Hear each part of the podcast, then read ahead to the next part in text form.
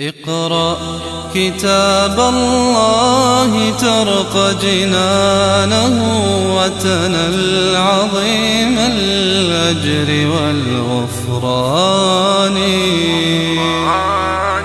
رتله روي القلب من نفحاته كالماء يروي لهفة العطشان.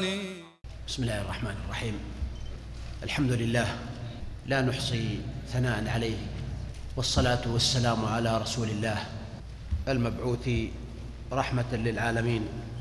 ثم السلام عليكم ورحمة الله تعالى وبركاته.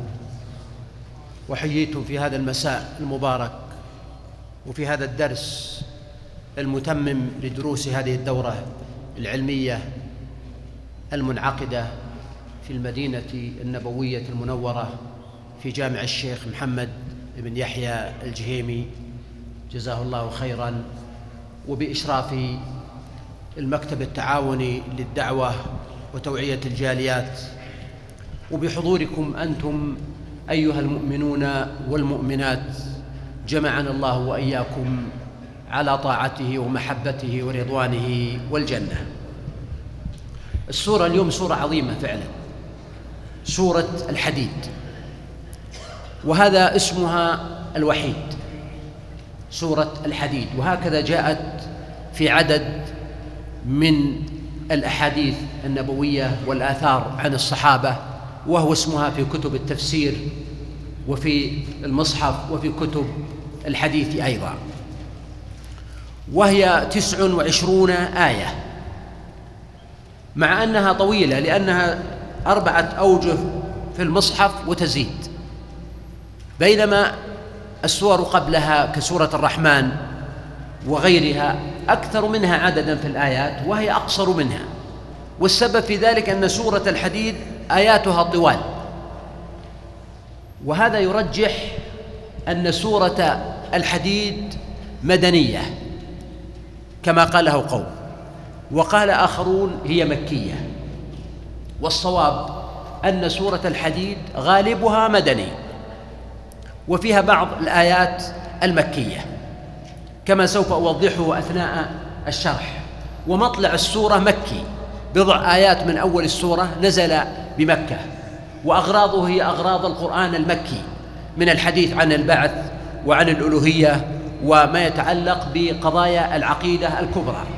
وفي أثناء السورة حديث عن الإنفاق وحديث عن الشهادة وحديث ومناظرة مع أهل الكتاب وحديث عن المنافقين وهذه كلها أغراض القرآن المدني. إذن الصحيح أن سورة الحديد فيها المكي والمدني ولكن نظام السورة واحد. مما يبين أن الله سبحانه وتعالى قد يحجب صدرا من السورة أو جزءا منها ثم ينزله وقت ما يشاء. فيلحقه النبي صلى الله عليه وسلم بموضعه من السورة. وآيات هذه السورة تسع وعشرون آية وقيل ثمان وعشرون. سبح لله ما في السماوات والأرض وهو العزيز الحكيم. التسبيح هو التنزيه إثبات صفات الكمال لله سبحانه وتعالى ونفي صفات النقص. وقد ورد في عديد من السور الاستفتاح بالتسبيح وفي طي كثير من السور أيضا ذكر التسبيح تسبح له السماوات السبع والأرض ومن فيهن وإن من شيء لا يسبح بحمده. وكما في سورة الجمعة والتغابن والصف وغيرها. في بعض هذه السور استفتح بالتسبيح بلفظ الماضي ومنه هذه السورة وهي أولها أول المسبحات. قال سبح لله. إشارة إلى الماضي التسبيح الماضي. وفي بعضها استفتحه بالمضارع فقال يسبح. والمقصود التنويع. والإشارة إلى أن التسبيح لله كان منذ الأزل فكل هذه المخلوقات منذ أن خلقت وهي تسبح. فبالنسبة لنا قد سبحت في الماضي. وفي السياق الآخر لما يقول يسبح إشارة إلى أن هذا ليس تسبيحا مضى وانتهى وإنما هو تسبيح مستمر. يسبح فهو إشارة إلى استمراره في الحاضر والمستقبل لأنه إذا قال يسبح فهذا اللفظ متى قرئ دل على أن التسبيح مستمر من هذه المخلوقات. يسبح لله ما في السماوات والأرض ولم يقل من؟ لو قال من لكان هذا معناه البشر العقلاء. لكن لما قال ما في السماوات دل على أن المقصود المخلوقات كلها وخصوصا غير العاقل. يعني المخلوقات الأخرى من غير البشر فيشمل ذلك الحيوانات والنباتات وغيرها؟ وهل يشمل الجماد؟ نعم يشمل الجماد لعموم الآيات السابقة. والطريف أن بعض السلف قالوا إن الجماد يسبح وكذلك النبات ما دام على صفته فإذا تغير زال تسبيحه. يعني مثلا النبات يسبح فإذا قطع زال تسبيحه عندهم. الشجر يسبح فإذا يبس زال تسبيحه. حتى قال بعضهم التراب يسبح فإذا آه، حول إلى طين أو صب عليه الماء زال تسبيحه. الثوب يسبح فإذا اتسخ زال تسبيحه. وهذا المعنى لطيف من جهة أنه يربي المؤمن على أنه يتعامل مع مخلوقات الله سبحانه وتعالى برفق وبعناية وباهتمام. وإن كان القول المختار أن التسبيح دائم لها في كل أحوالها. فقال يسبح لله ما في السماوات والأرض. ما هذا التسبيح؟ قال بعضهم إن هذا التسبيح كونها مخلوقة لله سبحانه وتعالى فهو الذي خلقها فهي تدل عليه وترشد إليه كما قال فيا عجبا كيف يعصى, الإله أم كيف يجحده الجاحد؟ ولله في كل تحريكة وفي كل تسكينة شاهد وفي كل شيء له آية تدل على أنه الواحد. فقالوا تسبيحها هو إشارتها بإصبع الاعتراف والتعظيم لله الخالق الواحد القهار سبحانه. وقال آخرون إن تسبيحها لله هو انضباطها بمقتضى السنن والنواميس التي وضعها الله سبحانه. كما قال الشمس والقمر بإيش؟ بحسبان. فقالوا هذا الحسبان هو التسبيح أنها منضبطة مأمورة. متى تطلع ومتى تغيب ومتى تشرق ومتى تنزل ومتى ترتفع وهكذا. وقال آخرون إن التسبيح يشمل هذا وغيره بدليل قوله سبحانه تسبح له السماوات السبع والأرض ومن فيهن وإن من شيء إلا يسبح بحمده ولكن إيش بقية الآية؟ نعم لا تفقهون. تسبيحهم. اذا هناك تسبيح نفقهه وهو إشارتها إلى خالقها أو انضباطها بأوامره وسننه ونواميسه. وهناك تسبيح لا نفقهه وهو نوع من التسبيح والعبودية لله سبحانه وتعالى. بهذه الكائنات لا نستطيع نحن أن نحيط به علما. فنقر كما قال الله أن الكون كله منخرط في حالة من التسبيح لله سبحانه وتعالى. والإنسان المؤمن بذلك منسجم مع هذا الكون. فهذا يعطيه دفء ويعطيه علاقة ويعطيه ود بدلا من أن يشعر بأن الكون عدو له. يشعر بأن الكون صديق. ولهذا النبي صلى الله عليه وسلم لما رقى على جبل أحد ماذا قال؟ أي هذه من ثقافتكم يا أهل المدينة. أحد جبل يحبنا ونحبه. ما في السماوات والأرض. وهو العزيز الحكيم. فهذان اسمان من أسمائه سبحانه. العزيز الذي عز فغلب وقهر. ولله العزة ولرسوله وللمؤمنين. والحكيم من معانيها الحاكم الذي يحكم ما يريد. له الحكم. ومن معانيها الحكيم الذي له الحكمة. فهو يضع الأشياء مواضعها. ويأمر بحكمة. وينهى بحكمة. ويضع السنن والنواميس وفق حكمة. لا تخطي لا يضل ربي ولا ينسى. فهذا هذه من أسمائه الحسنى. له ملك السماوات والأرض. هو لما قال يسبح لله ما في السماوات والأرض واستفتح بتسبيحها عقب بأن ملكها له سبحانه فهو مالكها. والملك بضم الميم هنا معناه أنه خالق السماوات والأرض ورب السماوات والأرض ومدبر السماوات والأرض. ولما قال له ملك السماوات والأرض دل على أنه ليس لغيره.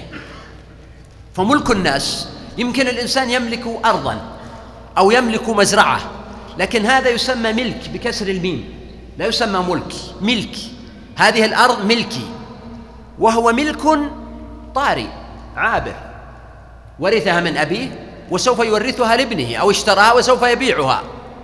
فهي ليست له.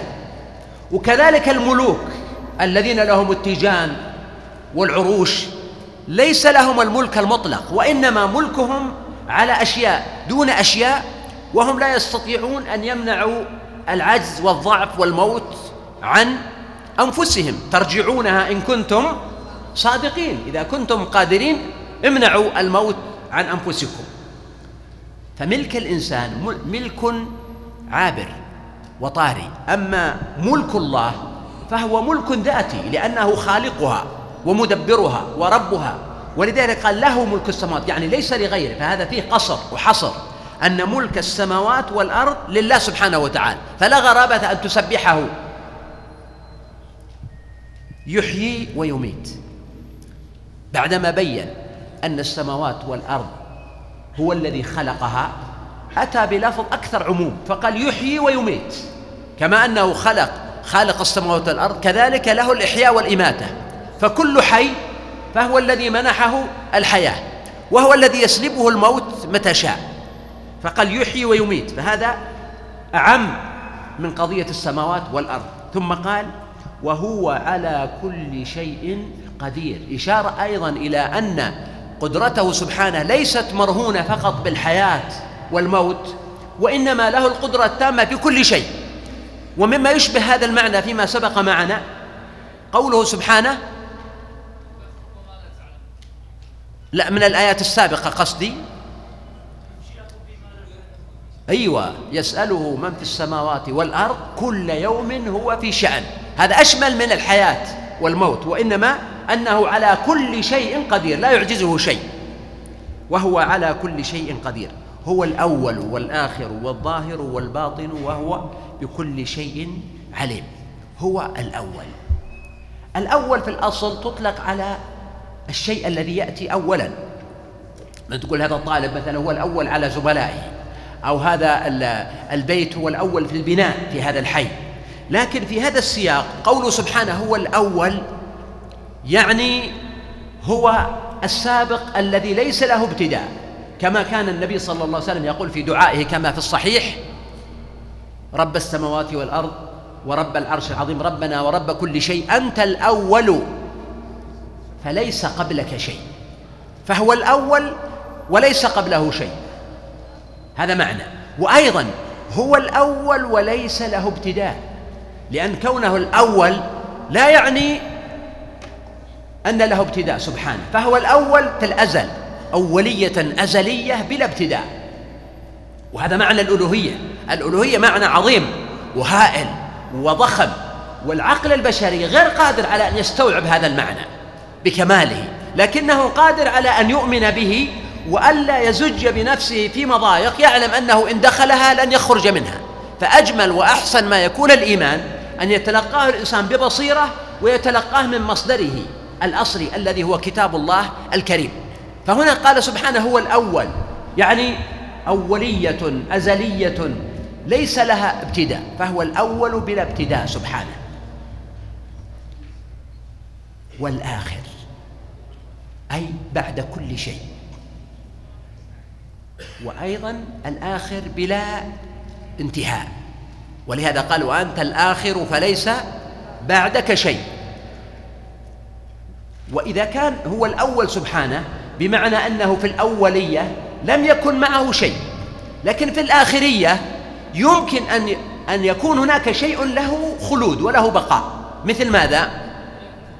مثل آه مثل لا, لا, لا الملائكة يموتون حتى ملك الموت يموت. ولكن نعم الملائكة بعد ذلك وأهل الجنة والجنة والأشياء التي أذن الله تعالى أن يكون لها بقاء سرمدي بعد ذلك. فهذه لها آخرية ولكن آخريتها ليست من ذاتها وإنما هي من ممن؟ من الله سبحانه وتعالى. فهو الذي منحها الخلود خالدين فيها أبدا ومنحها البقاء ومنحها الدوام. ولذلك لا يعارض هذا قوله سبحانه والآخر فليس بعده شيء وليس له انتهاء.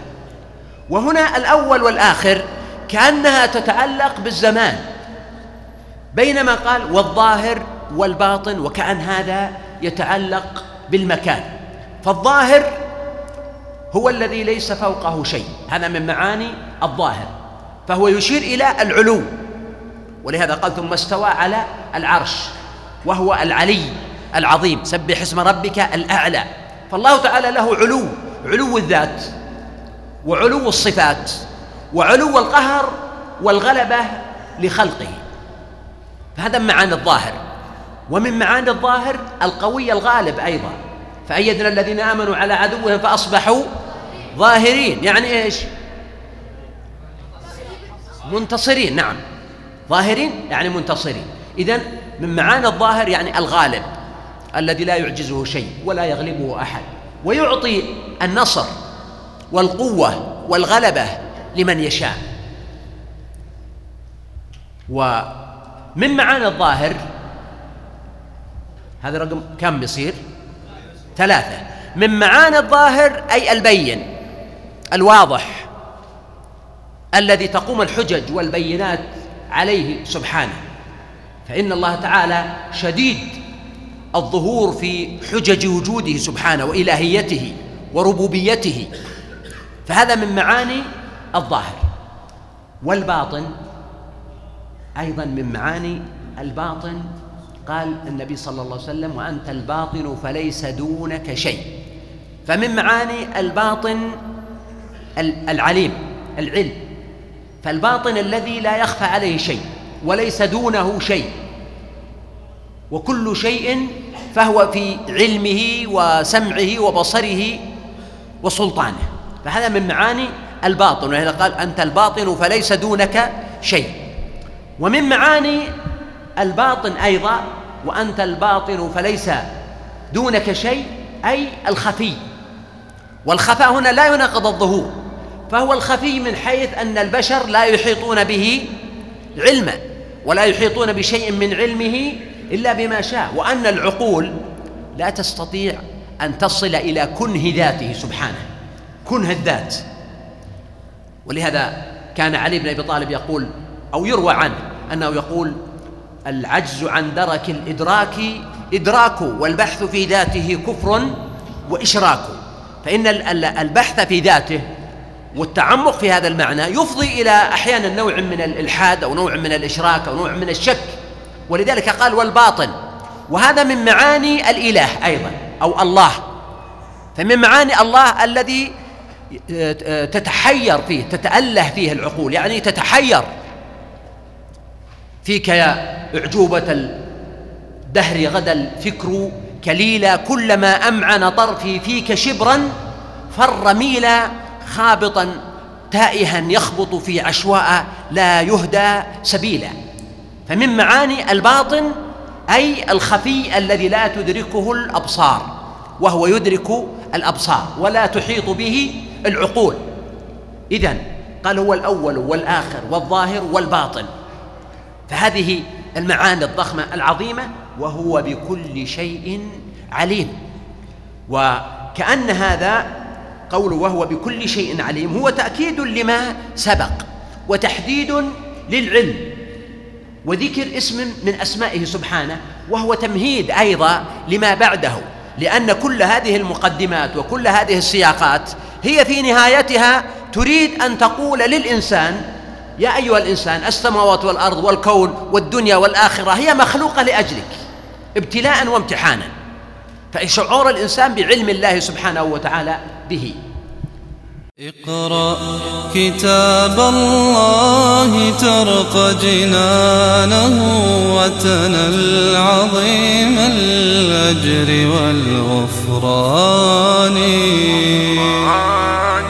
رتله روي القلب من نفحاته كالماء يروي لهفة العطشان.